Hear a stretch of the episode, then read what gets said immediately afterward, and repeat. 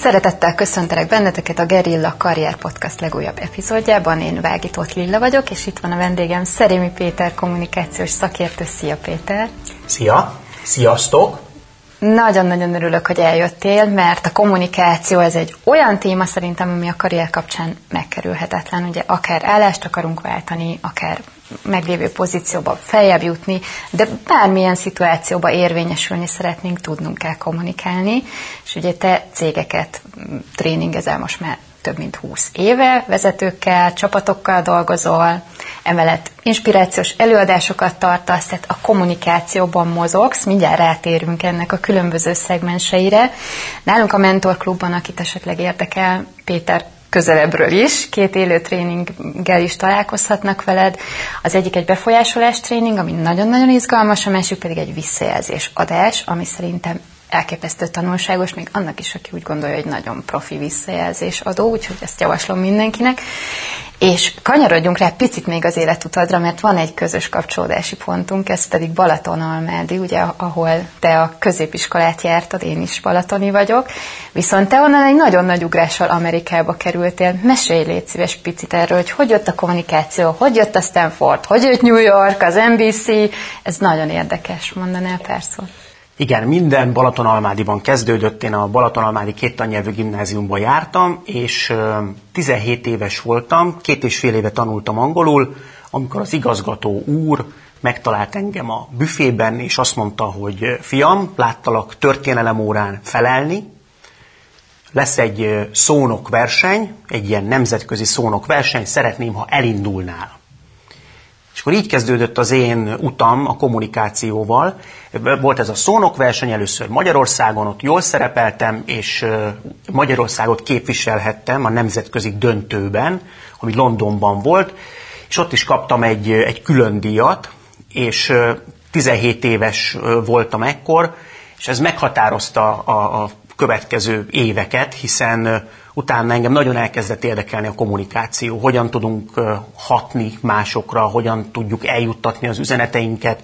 Jelentkeztem a Stanford Egyetemre, Amerikába, és szerintem nagyon nagy részben annak köszönhetően, hogy ezen a szónokversenyen én jól teljesítettem, kaptam egy ösztöndíjat, és ott tanulhattam kommunikációt és pszichológiát, uh-huh. és már ott az egyetemen elkezdtem nyilvános beszédtanítással foglalkozni. Nagyon-nagyon tetszett az, hogy, hogy tudtam olyanoknak segíteni, akik mérnökök voltak, legjellemzőbben, tehát nagyon okos emberek, de nem nagyon tudták elmondani a, a, a tudásukat, a gondolataikat, és akkor ezen a nyilvános beszéd órán kaptak mindenféle praktikákat, és akkor innentől kezdve már nagyon egyenes volt az út, hogy amikor én a diplomámot megszereztem, akkor hazajöttem, és azt gondoltam, hogy én ezzel szeretnék itt is foglalkozni, hogy segítek embereknek abban, hogy jól el tudják mondani a gondolataikat hatásosan, és nagyon fontos, hitelesen, őszintén és ezt teszem az elmúlt 23 évben. Uh-huh. Amerikára visszatérve, ugye ez olyan jó, hogy mondod, hogy ott is vannak problémák az embereknek a nyilvános beszéddel hatásgyakorlása, mert ha valami Amerikából eszembe jut, az ez, hogy ott olyan meggyőző, olyan profi mindenki, ez, hogy szerepelni kell, ez úgy a vérükbe van, ez a nekem minden sikerül. De hogy látod, hogy miért van ez a nagyon nagy különbség, hogy a magyarok mi úgy, úristen, csak ne prezentálni kell, meg nehogy megszólalni? Én azt gondolom, hogy visszavezethetjük ezt az egészet a felelésekre. Gondolom a kedves nézők is át tudják élni azt, hogy, hogy amikor a tanár lapozta a naplót, általános iskolában, gimnáziumban, mindenki félelemben, rettegésben, különböző taktikák voltak, hogy nézz a szemébe, mert a bátrakat jutalmazza, ne nézz a szemébe, mert akkor te fogsz felelni, akkor visszalapozott, és akkor felelni kellett, valakit kiválasztottak, és, és maga ez a felelés, ez annyira stresszes élmény volt, ha, ha visszaemlékeztek, uh-huh. hogy ilyenkor nem az volt, hogy örömmel és, és fantasztikus, inspirálóan beszéljek arról, hogy hol van földgázmezők és kőolajmezők, hanem, hanem a túlélésre mentünk. Tehát, hogy ilyen kimentünk, szembenéztünk a tanárral, ugye még véletlenül se a közönséggel, a, a többi, a többi diákkal, és akkor ez az ilyen ö, csak éljem, éljem túl. Mert mik történtek ott? Megszégyenítések, ha valaki nem jól csinálta a dolgát akkor, akkor az egésznek nem egy támogató légköre volt, és ez, és ez ment tovább, ugye középiskola, egyetem, tehát szerintem azért nehezebb nekünk ez a, ez a nyilvános beszéd, meg megszólalni mások előtt, mert hordozzuk ezt a, ezt a, ezt a múltat, és a jó hír az egyébként, hogy ezt felül lehet írni. Uh-huh. Tehát mindenkibe benne van a képesség arra, hogy akár mint a nyugat-európaiak vagy az amerikaiak lazán, könnyedén elmondja azt, amit ő tud, vagy azt, amit ő gondol, csak ezek a, ezek a képességek, ezek blokkolva vannak, ugye az előbb említettük ezt a felelést. Az én feladatom az, amikor, amikor ilyen képzéseket tartok, hogy ezeket a blokkokat megpróbálom feloldani, sok-sok gyakorlással, sok-sok olyan célzott feladattal, amik abban segítenek, hogy valaki pozitív élményt szerezzen ebben a témában. Na ez nagyon jó, hogy mondod, mert ez egy olyan iszonyatosan összetett dolog, ugye minden kommunikáció, nem csak amit mondunk, ahogy mondjuk a, egy-egy arcrezzenés, a fizmiskánk, a hangszínünk, amin egy csomó olyan részlet, amin nem tudunk változtatni, és nekem a kommunikációs tréningeknél mindig ezzel mínusz egy lépés foglalkoztat, hogy de hát ha e- egy olyan nagyon nagy csomag van, amin nem tudsz változtatni, és még ott a fogadófél, aki meg vagy szimpatizál velünk, vagy nem, hogy ezekre a nagy láthatatlan csomagra hogy lehet trenírozni? Most mondok egy konkrét példát, állásinterjú, első benyomás. Hogyan tudom én a meglévő adottságaimmal, kinézetemmel, hangszínemmel mondjuk egy jó benyomást kelteni valami, le, valakiben lehet ezen dolgozni, vagy fogadjuk el, hogy ha szerencsém van, szimpatikus leszek, ha nem, akkor még nem. Lehet ezen dolgozni, de én azt mondom, hogy ha valaki nagyon-nagyon rágyúr arra, hogy na akkor azt fogják rólam gondolni, és hogy ez, ez lesz az első szó, akkor, akkor az izzadságszagú lehet, és visszafelésül el. Szerintem egy állásinterjúnál például az nagyon fontos, hogy én meg tudjam mutatni a másik félnek, hogy én miért lennék jó választás neki, az ő cégének. Ehhez felkészültség kell. Tehát az egész sztori az jóval előbb kezdődik, mint ahogy én leülök egy állásinterjúra. Szerintem nagyon érdemes utána nézni a cégnek. Manapság erre nagyon-nagyon sok forrás van. Tehát az a jó, ha úgy érkezem, hogy, hogy tudom pontosan, hogy milyen állásra keresnek, pontosan ők mit keresnek, és hogyha hogyha ezt tudom, akkor, akkor már is bejebb vagyok. A másik szerintem arra érdemes gyúrni, hogy a megfelelő állapotban legyünk, lelki és fizikai állapotban. Tehát, hogy legyek felszabadult például, legyek nyitott, legyek kíváncsi, legyek kommunikatív, és erre, erre például lehet azt csinálni, hogy mielőtt bemegyek erre az állásinterjúra, csinálok egy pár légző gyakorlatot nagyon egyszerű dolog, de, de higgyétek el, hogy ez, ez nagyon-nagyon sokat segíthet.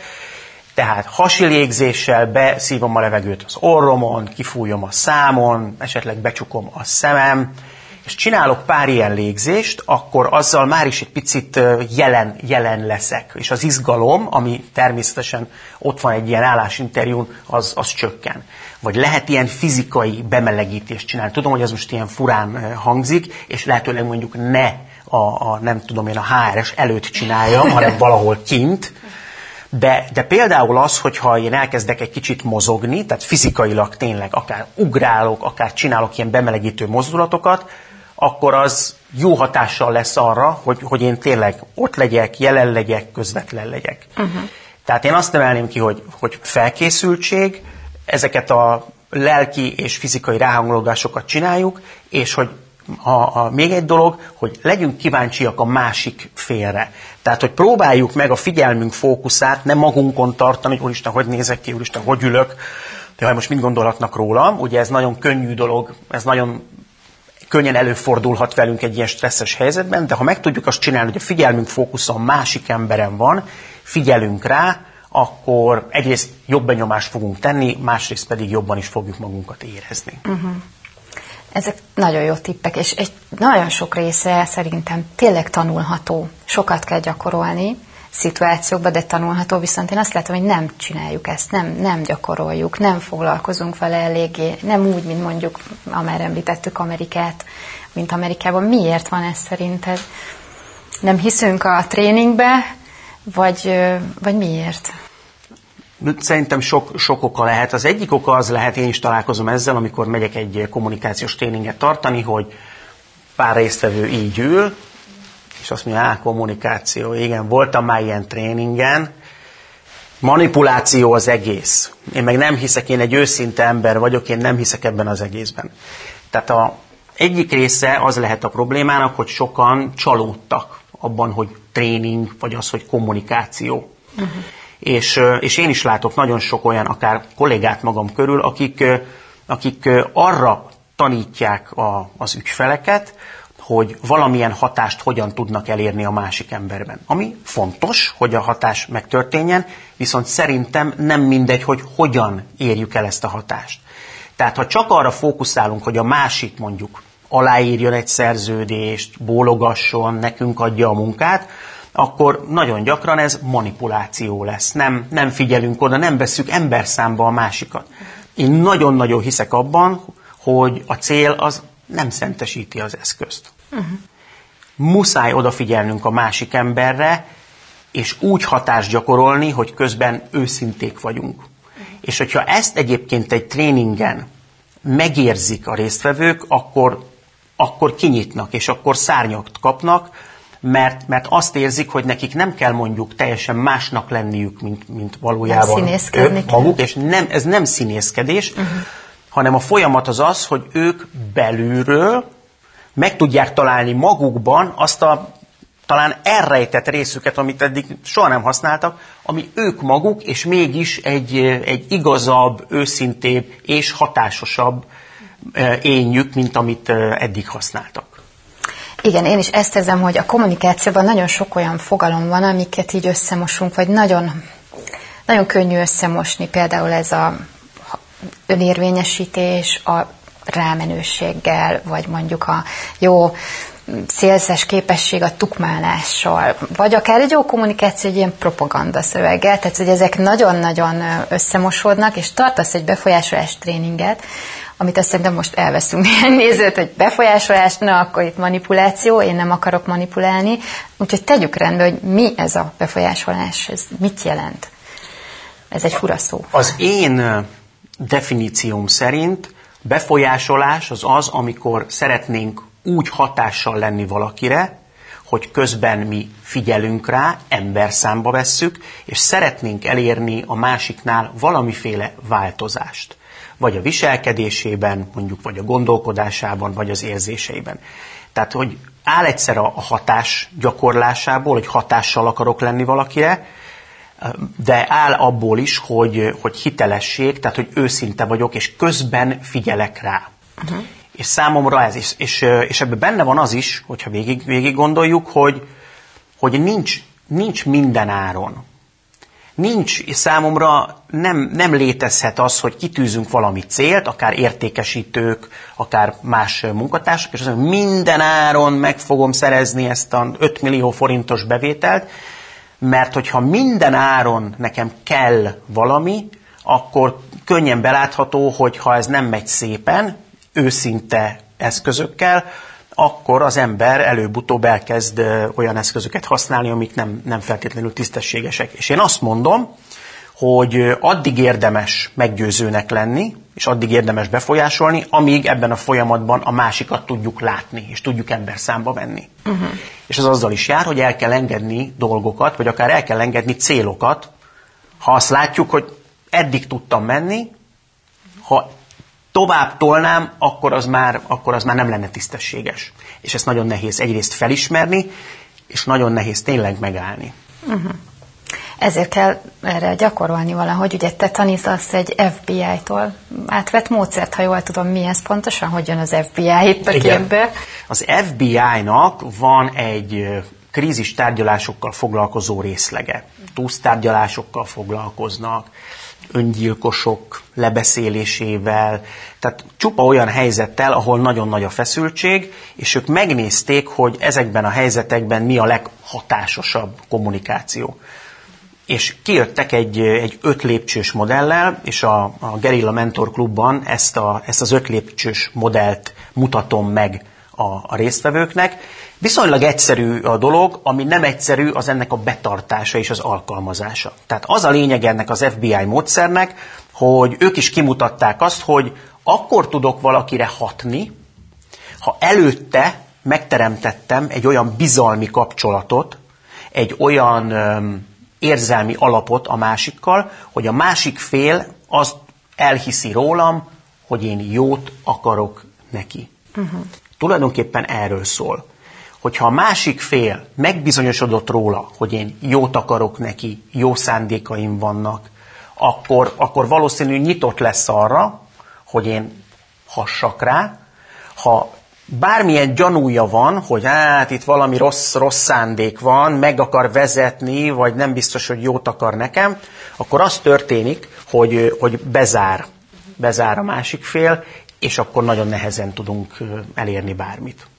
És ez minden relációban működik, mert nekem az a tapasztalatom a kommunikációs tréningekkel, hogy tök jó, hogy gyakorolunk szituációkat, de ugye minden helyzet más, minden partner más, tehát nagyon viszonyfüggő, meg helyzetfüggő, és én begyakorolok egy nagyon jó technikát, és akkor jön az agresszív főnököm, és ott állok, hogy de hát én nem erre gyakoroltam. Tehát, hogy ezt minden helyzetre tudjuk adoptálni, ezt akár ezt az FBI-os módszert, bárkivel. Az alapelv az, az működik. Tehát ugye az az alapelv, hogy, hogy, hogy először a jó szándékot kell kommunikálni, és a másikkal egy bizalmi kapcsolatot kell kialakítani, aztán jön a hatásnak a, a gyakorlása. Ez, én azt gondolom, hogy ez minden, minden helyzetre igaz.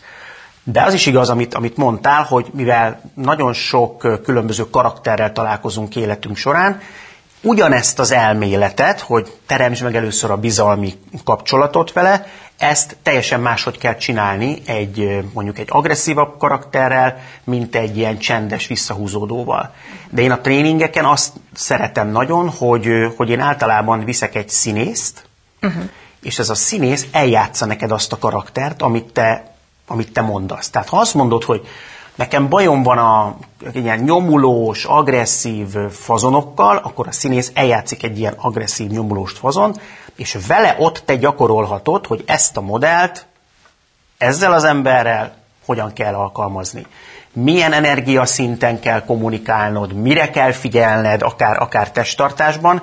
Tehát ott te egy nagyon pontos megélését fogod ennek a helyzetnek megtapasztalni. Azt fogod érezni, hogy Úristen, hát most tök olyan, mint hogyha ezzel az emberrel beszélnék. Tehát, hogy nem csak egy ö, ilyen, ilyen kognitív, agyi uh-huh. tudásod lesz, hogy igen, majd figyeljek oda arra, hogy, hogy jó szándéknak a, a kimutatása, stb., hanem egy zsigeri élményed lesz, és én ezt nagyon fontosnak tartom egy tréning esetében.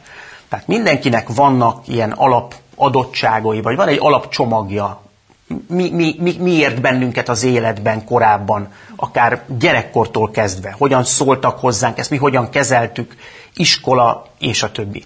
Tehát van egy ilyen alap csomagunk, és ahhoz, hogy, hogy ezt fölül lehessen írni, ezt az alaphuzalozást, ahhoz nem elég csak dumálni. Nem elég csak azt mondani, hogy egyes pont, kettes pont, hármas pont, olvas el egy jó könyvet, menj haza, csináld meg, mert ezek nagyon mély húzalozások, és ezért hiszek én ezekben a tényleg zsigeri élményekben, amik, amiket például egy színésszel való uh-huh. játék az, az nagyon jól meg tud teremteni. Ugyan a legnagyobb cégekkel dolgozol együtt, Coca-Cola, General Motors, Ernst nem sorolom, nagyon sok. Vannak ilyen tipikus munkahelyi kérések, amiket nagyon mindenhol szinte előjön, ilyen konfliktusok, kommunikációs problémák, amire tréningezni kell az embereket. Látsz ilyen visszatérő dolgot? Főleg mostanában az, hogy ha, ha van valamilyen feszült helyzet, mondjuk az ügyféllel, akkor, vagy egy beszállítóval, akkor ezeket a feszült helyzeteket, ezeket hogyan oldják föl. Tehát mondjuk az ügyfél panaszkodik, az ügyfél támad, hol van már a termék, hol van már a szolgáltatás, és hogy ezekben a helyzetekben hogyan, hogyan reagáljon egy, egy szolgáltató. Például sok ö, olyan IT cég keresett meg az utóbbi években, ahol a, a, a fejlesztők azok nagyon-nagyon okosak, nagyon jók, viszont ha baj van az ügyféllel, az ügyfél azt mondja, hogy én ezt nem értem, akkor, akkor mit, csinált, mit csinált sok ilyen munkatárs, elkezdte mondjuk forgatni a szemét, uh-huh. és mondjuk csinált egy ilyet, akkor megmutatom a kamerában, hogy akkor elmondom még egyszer, Mit jó? már, lehet már, már egyszer elmondtam, elmagyaráztam, tök egyszerű. És ez milyen, milyen hatást kelt az ügyfélben? Nyilvánvalóan az ügyfél ezen felhúzza magát, mert hogy kioktatták. Igen. És a szemforgatásnak, amit most megmutattam, egyébként az az egyik üzenete, hogy nem vagyunk egy szinten. Igen. Meg úgy unlak. Unlak. Ez a párkapcsolatban is megjelenik egyébként, erre, erre érdemes figyelni, hogy amikor túl sok ö, ilyen szemforgatás van a másik fél irányába, ezt még lehet egy sóhajjal egyébként ötvözni, az az igazán profi. Amikor valaki így, igen, drágám, figyelek, nem, itt vagyok teljes mértékben, akkor ugye ennek van egy, van egy nagyon rossz üzenete, ami nagyon tudja rombolni a kapcsolatot.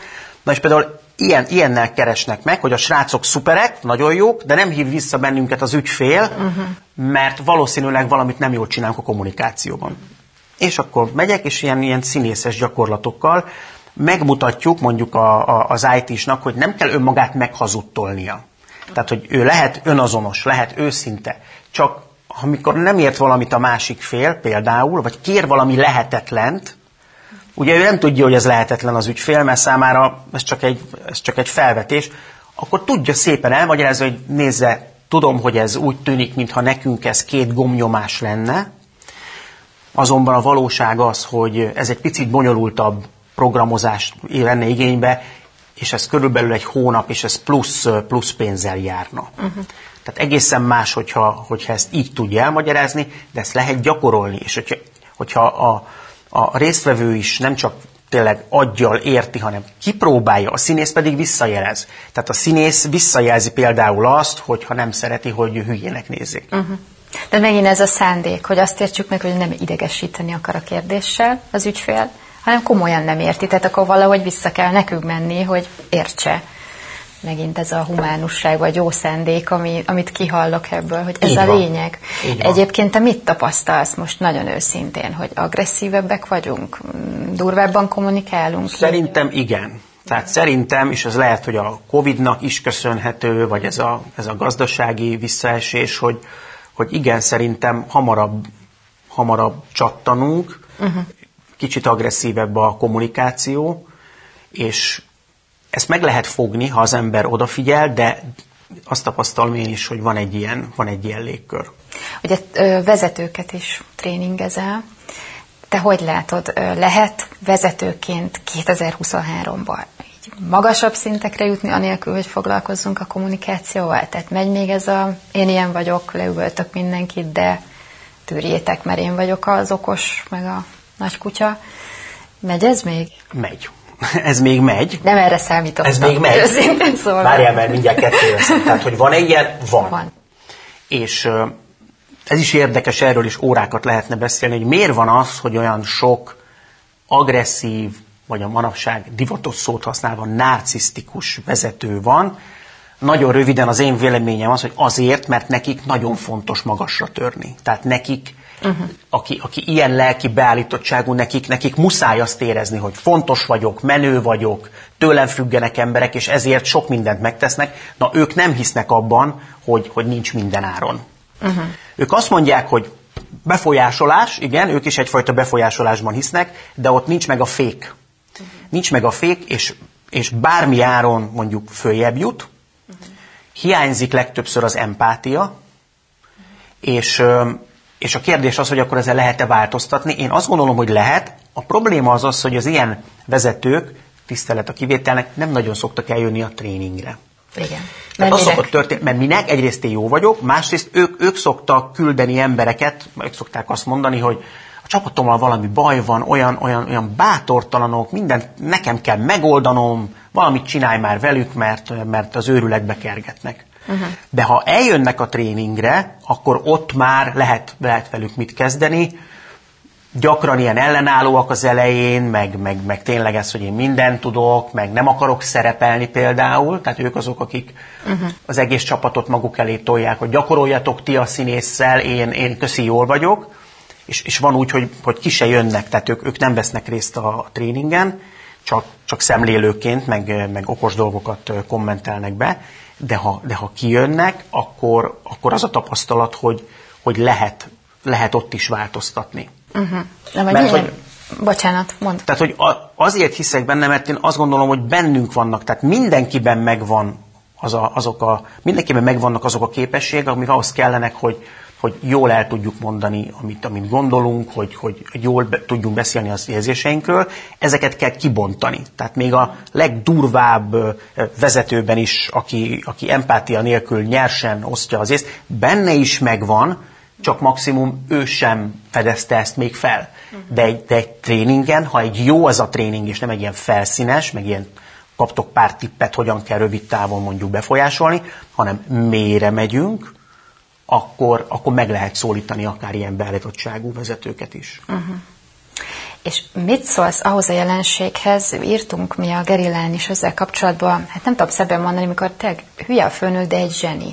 Ugye a legendás Steve Jobs, aki nem bánt feltétlenül túl jól a munkatársaival, de baromi nagy eredményeket elértek együtt, vagy mondjuk mondhatnám Elon Muskot is, aki szintén nem egy mézes-mázas figura, hogy ugye Andrásnak ez egy felvetés, hogy itt azért érdemes megfontolni, amikor egy ilyen zseni figurával találkozunk, aki tényleg majdnem elviselhetetlen, hogy meddig tű, hogy tűrünk-e vagy nem, mert azért lehet, hogy érdemes tűrni. Neked erről mi a véleményed?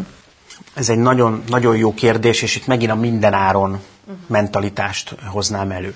Tehát van egy kapcsolat, ez lehet egy, egyébként lehet egy párkapcsolat is, vagy egy baráti kapcsolat, de lehet egy munkai kapcsolat is, mondjuk egy ilyen kiállhatatlan főnökkel. Szerintem mindenképpen érdemes kísérletet tenni arra, hogy elmondani valakinek, hogy én így érzek, nekem, nekem ezek az érzéseim vannak, kérlek, jobban figyelj oda erre és erre. Tehát elmondani az igényünket, elmondani a szükségletünket, szépen, én kommunikációval, nem, nem vádlón.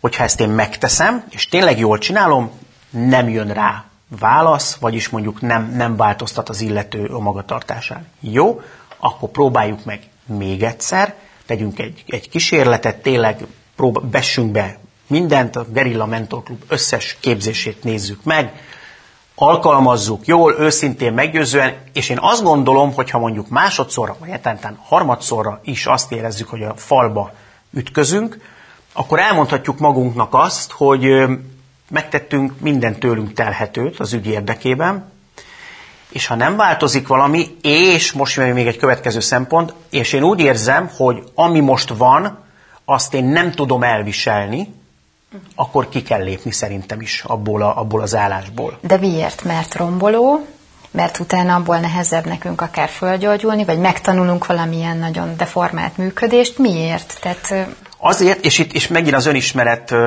jön be, tehát hogy ismerjem magam, hogy nekem mire van szükségem nem egy egyszerű dolog, de valaki azt mondja, igen, ismerem magam, nekem szükségem van arra, hogy az én főnököm az dicsérjen meg engem rendszeresen, legyen egy jó fizetésem, tehát tudjam azt, hogy én hogyan, hogyan működöm. És hogyha kiderül, hogy én ezt nem, nem kapom meg valahol, de akár ez még egyszer igaz egy párkapcsolatra is, akkor azért kell fölállnom, mert, mert nem teljesülnek olyan alapvető igényeim, szükségleteim, ami nélkül én nem tudok élni. Hozzátenném zárójelbe, hogyha azonosítom, hogy igen, nekem mondjuk jó lesne, ha mondjuk lenne mondjuk pozitív elismerés, de el tudok lenni nélküle, megpróbálkozom a vezetőmnél, hogy kérlek szépen adjál nekem, mert nekem az jól, jól esne, nem adja meg, de én úgy értelmezem, vagy úgy értékelem magamban, hogy jó, jó, jó lenne, de el vagyok nélküle is, tényleg, akkor nem kell felmondanom. Uh-huh. Tehát, hogy ismerjem magam annyira, hogyha azok a feltételek, amik az én jó működésemhez szükségesek, és elengedhetetlenek, azokból valamelyik hiányzik, akkor, akkor föl kell mondanom azért, mert annantól kezdve már én fogok károsodni. Uh-huh. És akkor nincs az az előny, az a tapasztalat, vagy amit tőle el lehet csenni, ami ellensúlyozná ezt a fajta. Szerintem ez akkor, akkor lehet ellensúlyozni, ha amit nem kapok meg, az nem olyan súlyú. Tehát azt mondja, hm, jó, jó lesne egy kis dicséret, de helyette meg van csocsóasztal, meg sör automata. Uh-huh. Tehát, hogyha ez nem olyan nagy súly, az jó, bevállalom, hogy nincs dicséret, egyébként cserébe meg, cserébe meg tanulok. De, de hogyha itt olyan súlyú dolgokat nem kapok meg, amik, amik nekem nagyon-nagyon fontosak, akkor, akkor föl kell, föl kell álljon, álljak, mert, mert egyébként, mert egyébként az fog bekövetkezni, amit én kukta hatásnak hívok, uh-huh. hogy nem kapok meg valamit, akkor először abban reménykedem, hogy a másik majd magától rájön arra, hogy nekem erre szükségem. Esetleg célozgatok valakinek, cél, a főnökömnek is így a konyhában célozgatok, hogy ha jó, jó dolog a dicséret, most láttam a Gerilla Mentor Klubban erről egy, egy videót, nézd meg te, szerintem te is. Célozgatok, mert azt abban reménykedem, hogy majd ő veszi a lapot, és mondjuk ezt megadja nekem nem veszi alapot, és akkor egyre inkább gyűlik, gyűlik, gyűlik a feszültség, akkor először csak mondjuk a munkatársaknak, barátoknak morgok arról, nem igaz, hogy lehet valaki ilyen érzelmileg unintelligens. És az van, hogy ez a feszültség ez nő, ez nem tesz jót az egészségünknek, valljuk be, hogyha egy ilyen feszültség van bennünk, ezek, ezek a rossz érzések, és ugye a kukta hatás egyszer csak így kicsap. Uh-huh. És akkor egy olyan váratlan helyzetben általában, ami, amire senki nem számít, és akkor azt arra csapunk, azt mondjuk, hogy na jó, itt a vége, egy párkapcsolatban is. Nem igaz, hogy nem lehet kólát hozni, és miért kell vizet innom, amikor én a kólát szeretem, tehát egy ilyen teljesen ártatlan helyzetben tud kiborulni a Billy, és akkor ott a vége. Tehát ne csináljuk ezt magunkkal. Tudom, hogy könnyű mondani, és, és, és elhihetett, hogy én sem tudom ezeket mind betartani. Én is voltam már olyan helyzetben, hogy inkább tűrtem, tűrtem, tűrtem, abban reménykedve, hogy, hogy majd jobb lesz. Tehát nem úgy beszélek most hozzád és a kedves nézőkhöz, hogy hát én mindent én nagyon jól tudok, csak azt tanácsolom, hogy ne maradjunk, ne maradjunk benne hosszan azokban a helyzetekben, ahol nem kapjuk meg, amire szükségünk van, hogy nem jó nekünk. És hogy lehet elkérni jól? Mondjuk maradjunk ennél a visszajelzés példánál. Egyébként ad, adnak jól visszajelzést szerinted a vezetők?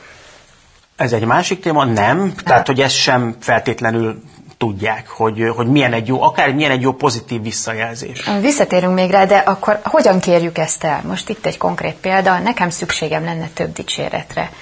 Hogy bemegyek és azt mondom a főnöknek, hogy beszéljünk már, légy szíves, én úgy érzem, hogy kevés visszajelzést kapok, nekem erre szükségem van, hogy jól működjek, légy szíves, figyelj erre oda, így, vagy valami más módon. Valahogy az lenne, ugye az lenne a fontos, hogy, hogy őt is valahogy be tudjuk vonni ebbe a beszélgetésbe az ő szempontjait. Tehát ha mondjuk azt mondjuk egy ilyen helyzetben, hogy mi legyen a főnöknek a neve, adjunk neki egy nevet. András. András, egy teljesen fikciós példa. Teljesen András. fikció. András, figyelj csak, tudod, te is szoktad mondani, hogy, hogy milyen lelkes tudok lenni, és olyankor tényleg hihetetlen, megmozgatok mindent az ügy érdekében, és ahhoz tudod, hogy ahhoz, hogy én olyan lelkes legyek, amit te is szeretsz, meg, meg a összes feladatot el tudjam jól végezni, ahhoz, ahhoz nekem szükségem van arra, hogy, hogy kapjak visszajelzést. Pozitív visszajelzést is, meg persze negatívat is. És én úgy, úgy érzem, hogy, hogy én nem kaptam eleget az utóbbi időben, és én azt szeretném kérni tőled, hogy, hogy amikor látsz valami jót, akkor azt mondd el nekem, mert az nekem sokat jelent. Uh-huh. És akkor innentől kezdve rajta áll a dolog, hogy ezzel éle, vagy nem él, vagy egy ideig él, aztán elfelejti. Igen. Ugye ez is egy tipikus probléma szokott lenni, hogy egy tréning után az emberek ugye egy ideig figyelnek, aztán jön egy stressz helyzet, és mindenki önmaga lesz újra. Igen. Úgyhogy akkor újra kezdődik, gondolom, ez újra. a játék. Vagy az is lehet, hogy te ezt ilyen szépen elmondod, mint hogy én most próbáltam megmutatni, hogy hogy figyelsz a másik szempontjaira, nem vádlóan mondod, és szépen elmondod, és akkor azt mondja a főnököt, hogy ja, az hiányzik, hogy megsimogassalak, jó, minden reggel akkor megsimogatlak, ha ez kell neked. Uh-huh. Ezt is egy konkrét példából tudom, egy, egy munka, munkavállalótól, aki egy tréningen mondta, hogy ezzel ugye le, lekicsinlik az, hogy neked mire van szükséged, valószínűleg nem ment át annyira az üzenet. Na itt például már érdemes elgondolkodni azon, hogyha én, én őszintén kitárom a, az igényeimet, és azt mondom, hogy nekem nekem jó lesne, ha megdicsérnél, meg kiemelnéd, hogy mi a jó munkám, és valaki azt mondja, jó, akkor majd, majd minden reggel megsimogatlak, akkor tényleg lehet, hogy, hogy nem jó helyen vagyok. Uh-huh. Amit kihallok nagyon, ez az empátia, meg az érzelmi intelligencia, hogy tulajdonképpen ez nem is technika, nem is sokszor, nem is kommunikációs technika, hanem inkább ennek a hiánya vagy a fejlesztendő Igen. része. Igen. Tehát er, erre mondom én azt, hogy szerintem ez valamilyen mértékben ott, ott van mindenkiben, uh-huh. és ezt, ezt kell kibányászni, ehhez kell hozzáférni, uh-huh. és ebben tud segíteni egy jó, jó képzés. Egy olyan képzés még egyszer, ami zsigeri élményeket tud adni. Tehát, hogy valaki át is éli azt, hogy miközben mondod a másiknak, ezt kell, ezt kell érezned, tehát hogy ezért szeretem én is így előjátszani a helyzeteket, vagy a, vagy a színész is meg, megmutatja, hogy, hogy tényleg teljes testében átélje valaki, amikor azt mondja, hogy kérlek szépen adjál nekem visszajelzést, mert ez nekem fontos. Uh-huh. Az egészen más, mint ha azt mondom, hogy kérlek szépen adjál nekem visszajelzést, mert ez nekem fontos. Uh-huh. Érzed, hogy ebben, a másodikban nincs, nincs semmi, ez egy ilyen, ilyen felszínes dolog, de ha tényleg bele tudom tenni saját magamat, akkor, uh-huh. akkor az más. És ezt lehet megtanulni, uh-huh. és még egyszer miért lehet megtanulni? Azért, mert ott van. Tehát, hogy csak felszínre kell hozni. Uh-huh.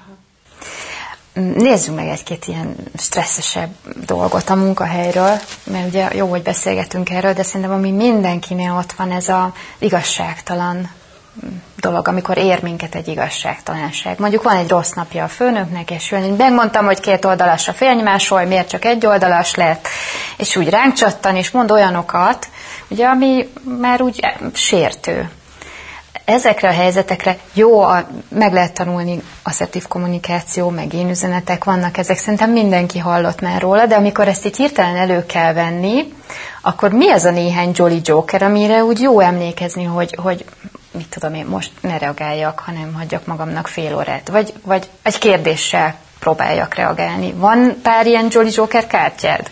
Igen. A, az egyik az az, hogy ilyenkor nyugodtan el lehet mondani az érzéseinket a másiknak, hogy ez nekem rosszul esett, csak az nem mindegy, hogy hogyan.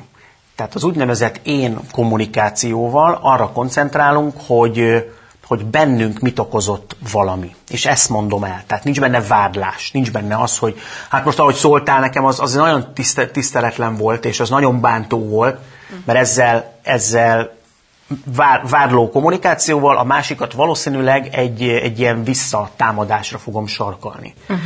De ha csak arról beszélek, hogy bennem mi van, ez most figyelj, hogy nekem nagyon rosszul esett, amit mondtál. Az lehet, de igazam van. lehet, hogy igazad van, de akkor beszéljük meg, de nekem, nekem ez most, ez, ez így most teljesen le vagyok sokkolva. Tehát amit, amit például tudok csinálni, az az, Csak hogy leközvetítem magamban, hogy mi, mi, mi zajlik bennem, tehát leközvetítem, mint egy ilyen sportriporter. Uh-huh. Tehát ez, a, ez az egyik dolog. A másik nagyon fontos, hogy érdemes elkülöníteni a, a, a személyt a viselkedésétől. Uh-huh. Tehát ez, a, mit jelent ez a gyakorlatban? Ha, ha én kifogásolok valamit, tehát mondjuk rám förmett a főnököm a fénymásolás miatt, akkor, akkor meg kell próbálni szét választani a viselkedést, és arra, arra adni visszajelzést. Tehát azt mondani, hogy amikor az előbb azt mondtad, hogy, hogy mi, mi, mi ez a fénymásolás, meg mi ez a, mi ez a hanyag munka, az nekem nagyon rosszul esett, mert, mert úgy érzem, hogy, hogy akkor az én munkám az, az egyáltalán nem fontos, vagy azt gondolod, hogy én nem értek ahhoz, amit csinálok. Mi lenne, a, mi lenne az, ha összekeverném a szemét és a viselkedést, úgy adnám a visszajelzést, nagyon tiszteletlen, nagyon tiszteletlen voltál már megint. Nagyon, nagyon, nagyon agresszíven szóltál hozzám már megint, és tehát a szemét, ha, ha a szemét beleveszem a, a kritikába, uh-huh. akkor valószínű, hogy ezzel ellenállás fogok benne kelteni. Uh-huh. De, ha nem az, de ha azt mondom, hogy én a, én a visel, nekem a viselkedéssel van bajom, tehát ahogy te ezt mondtad, az engem nagyon bántott az már sokkal, talán érz, érzik a, igen, a, igen. a kedves nézők is, hogy, hogy ez kevésbé sarkalja a másikat védekezésre. Uh-huh. Azért, mert nincs megtámadva. Mert magamról beszélek. Mert maga, tehát beszéljünk magunkról, uh-huh. próbáljuk meg szétválasztani a szemét a, a viselkedéstől, és próbáljunk meg egy, egy ilyen helyzetben, amit mondtál, próbáljunk meg nagyon konkrétan fogalmazni, és objektíven, amikor, amikor leírjuk, hogy bennünket mi bánt. Uh-huh vannak ilyen tiltószavak, ugye nagyon sok videód elérhető, érdemes egyébként a szerémipéter.hu oldalt böngészni, meg a YouTube csatornádat, mert annyira jó ilyen egy-egy szituációt elemzel ki, hogy miért nem jó a szendvics módszer, hogy kell visszajelzést fogadni, mert az egy külön műsorszám, megint csak. Majd ezzel kapcsolatban lesz egy kérdésem, de hogy ott láttam pont tőled azt hiszem, hogy ugye nagyon fontos, hogy vannak ezek a mindig, soha, ezek az ilyen piros skarlátos szavak, amikre érdemes figyelni, Erről mondasz pár szót, hogy miért veszélyes ez? Igen, tehát hogyha gondoljatok be, fordítsuk meg, ha, ha valaki nekünk mondja azt, hogy te, te mindig ilyen, ilyen, ilyen megbízhatatlan vagy, vagy rád soha nem lehet számítani. Onnantól már nem nagyon lehet tovább fűzni ezt. Nem. És egy, bizony, az nem is igaz. Tehát, hogy, hogy már mindig tényleg száz százalékában az eseteknek, tehát ez egy túlzás, amit amiben persze belefutunk mindannyian, amikor dühösek vagyunk, akkor így meg akarjuk büntetni a másikat, és soha nem lehet rád, és mindig ezt csinálod, de ezzel, ezzel a, a másikban megint az ellenállást ébresztjük föl. Egyébként nagyon sokszor tapasztalom azt tréningeken, hogy a, a, a szavakat, a, a mondatokat keresik a, az emberek, és azt akarják lejegyzetelni, hogy Igen. de mi az, a, mi az a mondat, amivel a főnökömet meg tudom a nyugtatni, varázs a varázs, a varázs mondat. Nincs ilyen is. Azért nincs varázsmondat, mert, mert nem, a, nem a szavak fogják átvinni azt, hogy te, te mit szeretnél, hanem az, hogy te hogyan mondod ezeket a szavakat. Igen. Tehát a legfontosabb a szándék, hogy, hogy bennem mi van, és ezt ki tudom-e fejezni. Persze fontos szókincs, ezek, ezek fontos dolgok, de nem, ezen úgy látom, hogy túl nagy hangsúly van, hogy de akkor mi az a pontos szókapcsolat. Most mondok egy, Mondok egy példát. Tegyük föl valaki odahaza össze különbözik a párjával, és ö, nagy veszekedés van, és nagy ö, érzelmek vannak a levegőbe, és akkor, és akkor én azt mondom a, a végén ennek a veszekedésnek, azt akarom mondani, hogy igazad van. Ugye? Milyen, milyen mondat szerinted? Ez egy pozitív. Nagyon ez szép mondat, igaz? Tehát így leírva igazad van, szuper, tehát szeretnéd te is, hogyha egy veszekedésnél azt mondanák neked, hogy igazad van, mert azzal így a megnyugtatóan zárul, mindig is tudtad, nem, hogy igazad van, még ki is mondta a másik, szuper, happy end. Oké, okay, de ha ezt így mond, tehát mondhatjuk úgy, hogy igen, igazad van. Ugye, ez tökéletes. De mi van akkor, ha az illető azt mondja, hogy most akkor megmutatom meg a kamerának, igazad van. Neked mindig igazad van legyen, ezzel megint ne hagyjuk már, akkor legyen vége. Jó, igazad van, igazad van. Ugye? Ez egészen más, tehát, hogy megint Megint a, a hogyan. A hogyan, a hogyan mondom meg én mit értek. Tényleg azt értem, hogy, hogy igazad van és beláttam, vagy azzal, amit mondtam eh, másodszor, valószínűleg egy teljesen más üzenet van a fejemben, hogy tényleg hagyjad már, olyan méltatlan, hogy e- erről vitatkozunk, és hogy itt megint az van, hogy a, másikat helyezem magam alá. Tehát, hogy én fön, fönt vagyok, és hogy jó, akkor igazad van, ha téged ez boldoggá tesz, akkor kimondta, meg ez szokott lenni még a kérjél bocsánatot, ugye? Jó, addig nem megyünk tovább. Na, ez durva volt, durva volt? Addig nem megyünk tovább, amíg bocsánatot nem kérsz. Igen. És akkor mi szokott ilyenkor következni? Jó, akkor bocsánat. Igen, nem így, az nem, és, tipikus játszmák. Igen, tehát hogy ne a szavakon lovagoljunk, uh-huh hanem, hanem mindig nézzük meg, hogy, hogy mi van emögött, és ezt ki tudjuk-e, ki tudjuk-e fejezni. Visszatérve a munkahelyre, mert szerintem ez érdekel most a nézők többségét, hogy mi van akkor, ha van ez a fénymásolós példám, ami nagyon sok minden megvizsgálható, azonnal érdemes reagálni egy ilyen sértés ledorongolásra, vagy attól függ. Tehát mondok egy példát, mondjuk, hogyha ez ilyen nagy plénum előtt történik, akkor szerinted azonnal, ha csak egy per egyben mondja, akkor várjunk, amíg ő is megnyugszik, meg én is. Van erre általános recept, amit mondasz? Hát általános recept szerintem nincs. Uh-huh. Az, hogy, és ez szerintem függ a, a vezetőnek a személyiségétől is. Uh-huh. Tehát például ismerek olyan vezetőt, aki, aki egyszerűen képtelen elismerni azt mások előtt, hogy ő nem csak az, hogy hibázott, hanem valamit nem tökéletesen gondolt. Tehát egyszerűen, és, és meg, is, meg is mondta a vezetői csapatának, hogy ha van egy vezetői meeting, ott vagyunk tizen, és valami nem tetszik, kedves vezetőtárs, akkor azt ne tedd szóvá itt. Mert én vagyok a vezető, és ne kérdőjelezd meg az én kvalitásaimat. Gyere oda hozzám, uh-huh. És később mond a szemembe, hogy ez nem biztos, hogy jól fog működni, tehát szerintem ez személyiség függő. De legalább ő ezt elmondja, igen. tehát ez jó, ha tudom. Legalább, igen. Ugye, mert ha nem tudom, akkor van a másik oldalon egy ilyen, hogy ez már így a önbecsülésemet sérti, meg a, nem tudom, a, tehát ez benne olyan határátlépés, nem, nem engedhetem, hogy nyilvánosan megszégyenítsenek. Van egy ilyen...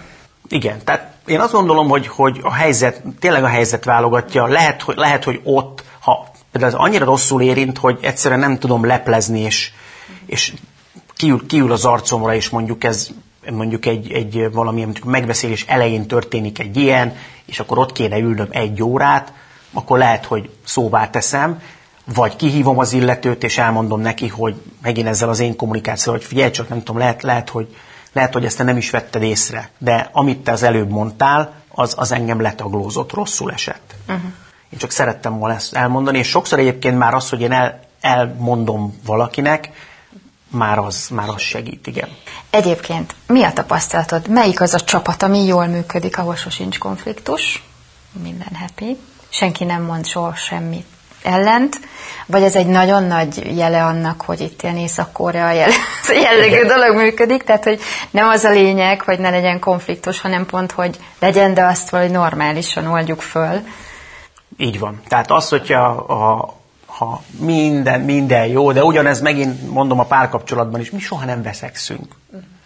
Akkor valószínűleg, hogy valamelyik fél, vagy mind a kettő elnyomja az igényeit, mert, mert fél a konfliktustól, és ezt úgy is szokták hívni, hogy művi harmónia. Öh, Tehát van egy ilyen szó. művi harmónia, egy csapatban is, sokszor, sokszor találkozunk egyébként ilyennel, hogy, hogy azzal keresnek meg, hogy nagyon jól teljesít a csapat, csak, csak, csak soha nincs vita, és úgy lehet, hogy nem használjuk ki a, a lehetőségeinket teljes körűen, mert mert minden, alá megy, mindig valaki alá megy. És akkor itt, itt, itt az szokott lenni a kulcs, az egyik, az egyik fontos dolog, hogy egymás előtt a csapattagok tudják-e vállalni a sebezhetőségüket.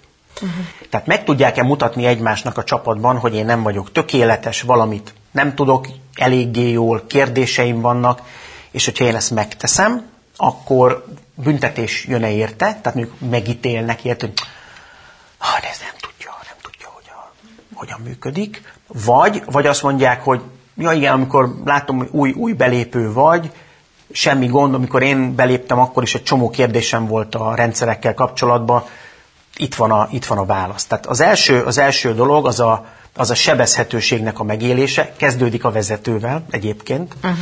Tehát, hogy a vezető is el tudja ismerni, hogy figyeljetek gyerekek, ezt elrontottam, ezt nem, nem jól láttam, bocsánat kicsit, vagy a fénymásoló sztori, rossz napomban rosszul indult a reggel, ne haragudj, hogy így rátförmettem. És ha ezt így meg tudja tenni, akkor azzal nagyon sokat tud segíteni. Tehát egyik a sebezhetőség felvállalása a csapaton belül, és egy ilyen pszichológiai biztonságnak a megteremtése. A másik pedig az, hogy, hogy kell tudni azt, hogy, hogy a konfliktusokat hogyan, hogyan rendezzük. Tehát amikről beszéltünk is akár, hogyha neked van egy ötleted, egy brainstormingon, és nekem az nem tetszik, akkor, akkor ezt úgy tudjam elmondani, hogy ne rád mondjak egy ilyen lesújtó kritikát, hogy mi, micsoda, miért, miért fehér papír, de miért fehér papír, hanem azt mondom, hogy figyelj csak, nekem a fehér papír ötlet az nem tetszik. Uh-huh. Egészen más, mert ketté választottuk újra a szemét a viselkedéstől vagy az ötlettől, tehát te nem fogod magad úgy érezni, hogy na most itt engem letámadtak, tudod, mikor fogok én legközelebb új ötletet bedobni, én nem akarom még egyszer átélni ezt, uh-huh. a ledorongolást. Tehát meg kell tanulni, hogy hogyan, hogyan kezelünk konfliktusokat, és hogy a konfliktusok előre visznek, jó dolgok, uh-huh.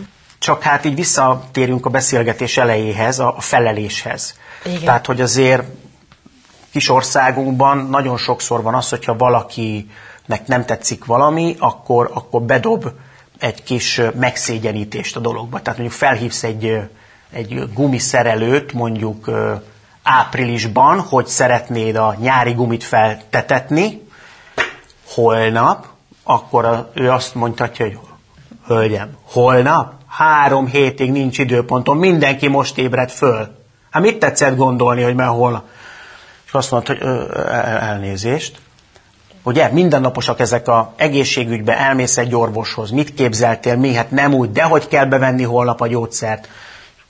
Igen. Tehát, hogy ezt el lehetne normálisan is mondani. El lehetne normálisan mondani, hogy hölgyem, az a helyzet, hogy nagyon sokan most szeretnék a nyári gumit föltetetni, három hét múlva meg tudom csinálni. Mennyivel más lenne? Hogyne. Ugyanazt, a, ugyanazt az információt adom át, de, de nincs benne a megszégyenítés. És mégis, ha belegondolunk, hogy mennyi, mennyi, mennyiszer egy étterembe elmész, visszaküldöd a, a, a vizet, hogy elnézést, én savas vizet kértem. Az úr savas vizet kért, jó, cseréljük ki neki, és, és akkor már is azt mondta, hogy jobb, ha nem szólok, Hagyjuk. mert ki tudja, mi lesz a, a, a büntetés. Igen, Tehát, ilyenkor érzem azt, hogy picit reménytelen a helyzet, de közben meg nagyon is fontos, pontosan ezért, hogy tréningezzük magunkat, meg egy kicsit mi magunk, ahogy fogadjuk ezeket, azon is tudunk már egy tréninggel szerintem segíteni. De mit üzensz azoknak, akik azt mondják magukról, hát én, hogy én, én nagyon konfliktus kerülő ember vagyok. Én hiába megyek tréningre, én egyszerűen fizikailag rosszul vagyok minden vitától. Ez egy védekezés, valami mást akar, vagy, tehát, vagy pont nekik kell menni. Ők jönni is szoktak egyébként, Aha. tehát hogy érdekes módon, ha most így nagyon ketté osztjuk a, a résztvevőket, akkor az egyik csapat, akinek nehéz felvállalni a konfliktust, tehát inkább, inkább megadja, ráhagyja a másikra, a másik pedig az, aki, aki a nyers, aki, akinek nem okoz gondot nemet mondani, vagy visszaküldeni bármit, viszont ő megsért másokat. Uh-huh. És ö, szerencsére egyébként az, akinek gondot okoz, mert hogy ő konfliktus kerülő, ők inkább jönnek tréningre, szeretnék a megoldást. És nekik, nekik különösen hasznos az, hogy ők átélhetik mondjuk egy tréningen a színésszel uh-huh. azt a helyzetet, tehát ő mitől fél. Valószínűleg neki volt olyan tapasztalata az életben, korábban, gyerekkorában, később, hogy, hogy, ő, hogy ő kiállt magáért, és azt mondta, hogy figyelj, ez így nekem nem tetszik. Azt mondta az édesapjának, édesanyjának, tanárának, nekem ez túl sok ez a házi feladat, és valószínű mit kapott rá válaszként? Dur, miért, mi sok neked, mi mindenki ezt kapja, gyorsan bit haza, aztán tanuld meg, és gyere vissza holnap. Tehát kapott egy ilyen, egy ilyen ledorongolást. Mit tanul meg az ember ilyenkor? Én legközelebb nem fogom kifejezni az igényeimet, a szükségleteimet, mert ott van az agyban egy olyan emlék, hogy, hogy jön a kalapács, uh-huh. és éppen ezért visszatartom. Mi az út előre? Az, hogy szépen elkezdeni lassacskán egyre nehezedő helyzetekben gyakorolni. Uh-huh. Megélni azt, hogy én felvállalok egy konfliktust, és jé, nem történt semmi. Vagy ami történt, azt el tudom viselni. Ezért is javaslom azt mindenkinek, hogy, hogy ha így kedvet kap ahhoz, hogy jó, akkor, akkor most én elegem van abból, hogy mindig igent mondok mindenre, és kihasználnak engem, hogy akkor apró kis hétköznapi helyzetekben próbáljon meg mondjuk nemet mondani. A boltban, amikor nem tudom, levágják neki a végét a, a szaláminak, azt mondja, elnézést nem megtenni, hogy nem ebből ad, hanem a másikból. Uh-huh. És ott tapasztalja meg azt, hogy lehet, hogy lesz egy szemforgatása a boltban, hogy hogy már semmi se jó az embereknek, és ezt meg kell, meg kell tanulni elviselni. Uh-huh. Mert hogyha elviselem, rájövök arra, hogy jé, lehet, hogy nem a legjobb érzés a világon, de túléltem. És akkor mehetek tovább egyre nehezebb helyzetekhez. Mekkora felelősségünk van szülőként, nem most? ez nagyon, nagyon. óriás piros lámpa, de hát mit tudnánk továbbadni, mint amit mi is kaptunk? Ugye ez meg a, megint a nagy kérdés. Ezért a tréning, ami egy biztonságos közeg, erről sokat beszélünk, hogy ott aztán lehet gyakorolni, ott, ott, ott meg lehet tapasztalni ezeket az érzeteket, ami nagyon fontos.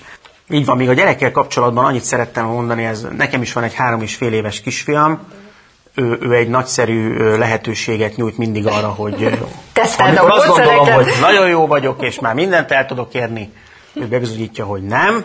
Tehát, hogy kedves nézők, nagyon sokszor én is elrontom, ezt higgyétek el.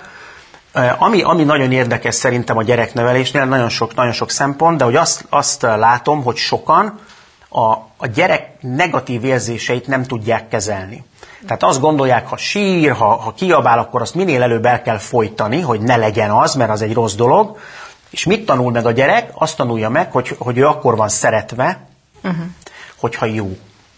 Ha, ha úgy viselkedik, ahogy elvárják tőle. Ha netán neki baja van, ha neki nem tetszik valami, akkor azt tapasztalja, hogy azt, azt viszont megpróbálják elfolytani, és azt nem fogadják el. Tehát, hogy, hogy itt is én azt tanácsolom, hogy nagyon fontos, nagyon fontos lenne az, hogy, hogy azt megtanítani a gyereknek, hogy ha neked rossz kedved van, én akkor is szeretlek, akkor is elfogadlak, mert, mert egyébként egyébként felnőttként valószínűleg az érzéseit is megpróbálja majd visszanyomni, hogyha azt, azt érzi, hogy ezzel valakinek mondjuk rossz pillanatokat okozhat. Mit kezdjünk akkor, hogyha azt érezzük, hogy nem vesznek komolyan. Ez is egy ilyen nagyon sokszor visszatérő probléma, és ez van egy személyes sztorim is, hogy én jogi egyetemet végeztem, és hát már ak- dolgoztam ügyvédi irodában, és mindig nagy probléma volt az, hogy sokkal fiatalabbnak nézek, mint amennyi vagyok. Ez egyébként nagyon sok évfolyamtársamnál probléma, tehát alsóbb évfolyamokat is nem egy kosztümös, kontyos hallgatótársammal találkoztam, meg öltönybe a fiúk. De ami vicces volt egy egyetemen, de abszolút értem a motivációt, mert egy irodában, amikor jön egy ügyfél, hát nem jó, ha 18 évesnek vagy még kevesebbnek néznek. Mit lehet akkor csinálni egy munkahelyen, ha azt érzem, hogy én vagyok nagyon jó szakmailag, de egyszerűen nem veszik komolyan a szavamat. Lehet például egy úgynevezett tisztázó beszélgetést folytatni. A tisztázó beszélgetés az abból áll, hogy leülök mondjuk a, a vezetőmmel, és akkor ugyanúgy, ahogy, ahogy már erről beszéltünk, ilyen én kommunikációval elmondom azt, hogy, hogy nézd, az a helyzet, hogy tudod, hogy én nagyon próbálok magas szinten teljesíteni, legutóbb is bevállaltam azt a prezentációt, elmentem az ügyfelekkel, és mégis van bennem egy olyan érzésem, egy rossz érzés, hogy, hogy ez nem elég. És kérlek, segíts akkor, hogy mit, mit érdemes tenni. Tehát például, ha most a kommunikációs részéről beszélünk, akkor, akkor egy ilyen beszélgetéssel megadjuk az esélyt arra, hogy, hogy valaki tanácsot adjon nekünk, és lehet, hogy például neki, neki fel se tűnik ez az egész. Vagy ő, ő teljesen máshogy nézi. Tehát, hogy lehet, hogy ez az egész egy félreértés, uh-huh. ezért is érdemes úgy fogalmazni, hogy, hogy én ezt úgy élem meg, tehát nem az, hogy engem itt mindenki kicsinek néz, meg tapasztalatlannak, tehát hogy nem a, nem a vádlás uh-huh. sem.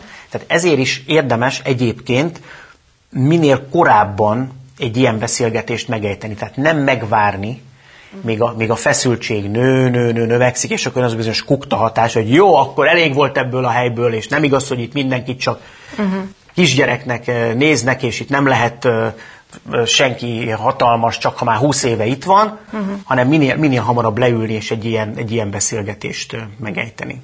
És mondjuk csapaton belül, tehát hogyha mondjuk az a megélése valakinek, hogy mindenféle apróság előfordulhat, hogy hány fok legyen, tehát szellőztessünk el, föltekerjük el a fűtést, és én azt élem meg, hogy én mindig szeretnék egy picit hidegebbe ülni, de hát az én szavam nem számít, tekerjük föl. Tehát, hogy ez ilyenkor annyiszor menni, de figyeljetek, rám is figyeljetek. És... Vagy akkor úgy megfogalmazni a kérést, amiről szintén már beszéltünk, hogy, hogy figyelembe veszem a másikat, amikor az igényemet elmondom, hogy figyeljetek, srácok, azt látom, hogy itt mindenki egy kicsit a, a melegebbet szereti. Nekem, nekem viszont van egy olyan, hogy én szeretném, hogyha egy picit hidegebb lenne. Tehát, hogy elismerve azt, hogy, hogy a másik másikoknak is vannak fontos szempontjai, és elmondani a tiédet. És persze ugyanaz van, hogy, hogy ha, ha nagyon sokszor azt érzem, hogy engem, engem semmibe vesznek, és megpróbáltam ezeket a lépéseket, uh-huh. akkor megint eljutunk oda, hogy akkor lehet, hogy ez nem az én helyem. Meg lehet, hogy ez egy mélyebb dolog, nem? Tehát, hogy azért ez nagyon összefügg a pszichológiával, nem véletlenül tanultad te is a kettőt, hogy azért ez nagyon átcsaphat abba, hogy az én megélésem lehet, hogy nem a valóság, tehát hogy én csak mindig ezt érzem, és nem, nem így történik, akkor viszont lehet, hogy egy másfajta Hát nem így van, ez, ezért érdemes megosztani egyébként egy párkapcsolatban is, mert uh-huh. elkezdjük a saját mozinkat nézni, Igen és elkezdünk egy ilyen történetet fölállítani, hogy a másik most miért csinálta ezt, akkor, akkor nagyon, nagyon elmehetünk egymás mellett. És hogyha elmondom, hogy figyelj, rossz, rossz, én ezt nagyon rosszul élem meg, de megint ezt meg kéne próbálni vádlás nélkül. Tehát, hogy ez ne, ne legyen egy ilyen újjal mutogatás, hanem csak kitenni az asztalra, és ez milyen jó lenne, hogyha, hogyha minél, minél többen, minél több kapcsolatban, munkahelyen, magánéletben ezt megtennék, mert akkor tényleg nem lennének olyan helyzetek, hogy valaki puff, föláll egy munkahelyen, és azt mondják a többiek, hogy de nem is volt semmi jele, nem is szólt, vagy egy párkapcsolatban. Nem is veszekedtünk, jé, akkor mi volt a baja? Van ilyen sikersztorid, amit így nagyon viszel magaddal, mert egy tréning után mondjuk megoldott ott valami olyan konfliktus, ami már évek óta nem oldódott föl, vagy valaki olyan visszajelzést adott, hogy fél megváltoztattad az életemet. Van ilyen? A legemlékezetesebb az pár évvel ezelőtt történt. Szeretünk utánkövetéseket tartani egy-egy tréning után, hogy, hogy ezek a készségek ezek tudjanak fejlődni, és hogy beszámoljanak a résztvevők arról, hogy mi történt a tréning után. És akkor egyszer jött egy, jött egy srác, aki azt mondta, hogy mentünk körbe, hogy kivel mi történt, mondta, hogy megmentettétek a házasságomat. Mi történt? És elmesélte, hogy otthon úgy alakult a helyzet, hogy olyan dolgok történtek, amik nagyon félreérthetőek voltak a felesége számára. Uh-huh és amiket a felesége éppen rossz paszban volt, az ő a feleségének a, a baráti körében is volt valami vállás, és ő olyan szemüvegen keresztül nézte, hogy na, akkor mi is úgy fogunk járni, mint, mint, a, mint a barátnőmék, és, és egyszer csak így szembesítette ezzel a, a résztvevőt, hogy na hát akkor tudom ám, hogy miket csinálsz, és akkor volt az a pont, a résztvevő elmesélése szerint, hogy, hogy már majdnem ment a, a régi énje szerint, hogy akkor, akkor betámad, hogy mit képzelsz, hát hogy képzeled azt, hogy én, aminek valószínűleg rossz vége lett volna, és, és emlékezett a tréningre, ami egyébként pár héttel korábban volt, és akkor el tudta azt szépen mondani, hogy fú, most nagyon, most nagyon sokkolva érzem magam, mert értem, amit te mondasz, hogy az úgy állhat össze, hogy, és igen, látom, hogy ez egy ilyen negatív, negatív dolog, de valójában nem ez történik, hanem elmondom, hogy hogy. Tehát higgadtan szépen szét tudott szálazni uh-huh. egy ilyen bombát, uh-huh. és ezzel, ezzel megmentette a házasságát. És szerinted a kommunikációval minden megmenthető, meg megoldható? Tehát van egy ilyen, hogy mondjam, egy ilyen megfigyelhető hatás, hogy aki erre tényleg ráhelyezi a hangsúlyt, fejleszti magát, sikeresebb, jobb kapcsolatai vannak, nem tudom, jobban érzi magát. Nem, nem menthető meg minden, viszont szerintem sokkal tisztábban látunk, ha, ha jól kommunikálunk. Uh-huh. Tehát meg, meg, ki tudjuk rakni a lapjainkat a, az asztalra, el tudjuk mondani, hogy nekem erre van szükségem, a másik el tudja mondani, hogy nézd, oké, okay, köszi, hogy elmondtad, én ezt nem tudom neked megadni, akár egy munkahelyen is, tehát hogy kiderül, hamar kiderül az, hogy mi a valóság. Uh-huh. És akkor nem kell, nem kell húznunk az időt, meg benne lenni egy olyan kapcsolatban, munkahelyi vagy magánéleti, ami, ami nem jó nekünk. Tehát a jó kommunikáció ebben segít, hogy nem, nem belül rágom magam, mert tényleg, hogyha én csak belül mondogatom, hogy én többre vagyok hivatott, nekem szükségem lenne erre, nem igaz, hogy ezt nem lehet nekem megadni, akkor egész egyszerűen fizikai tüneteim lesznek. Tehát beteg, betegséget fogok magamban okozni azzal, hogy nem teszem ki az asztalra. Tehát nem minden oldódik meg, de tisztábbak lesznek a viszonyok, azt gondolom, egy jó kommunikációval. A hogyanok meg megtanulhatók, gyakorolhatók. Úgyhogy én mindenkinek azt javaslom, hogy a soft figyeljen oda, mert a szakmai mellett ez nagyon fontos. Egyszerűen ahhoz tényleg, hogy jól érezzük magunkat, és hogy ott, oda kerüljünk, ahol, ahol igazán a helyünk van, munkában, magánéletben és mindenhol. Úgyhogy nagyon köszönöm, hogy eljöttél, nagyon köszönöm, hogy vagy nekünk a Mentor Klubban, és most is fognak vele találkozni majd a tagjaink nyáron, tartasz tréninget, úgyhogy még egyszer köszönöm szépen az idődet, a tanácsaidat, nektek pedig jó tanulást, és fejlesztétek a kommunikációt, nézzétek a Mentor Klub podcastokat, és várunk szeretettel vissza benneteket legközelebb is. Köszönöm. Sziasztok! Köszönöm szépen!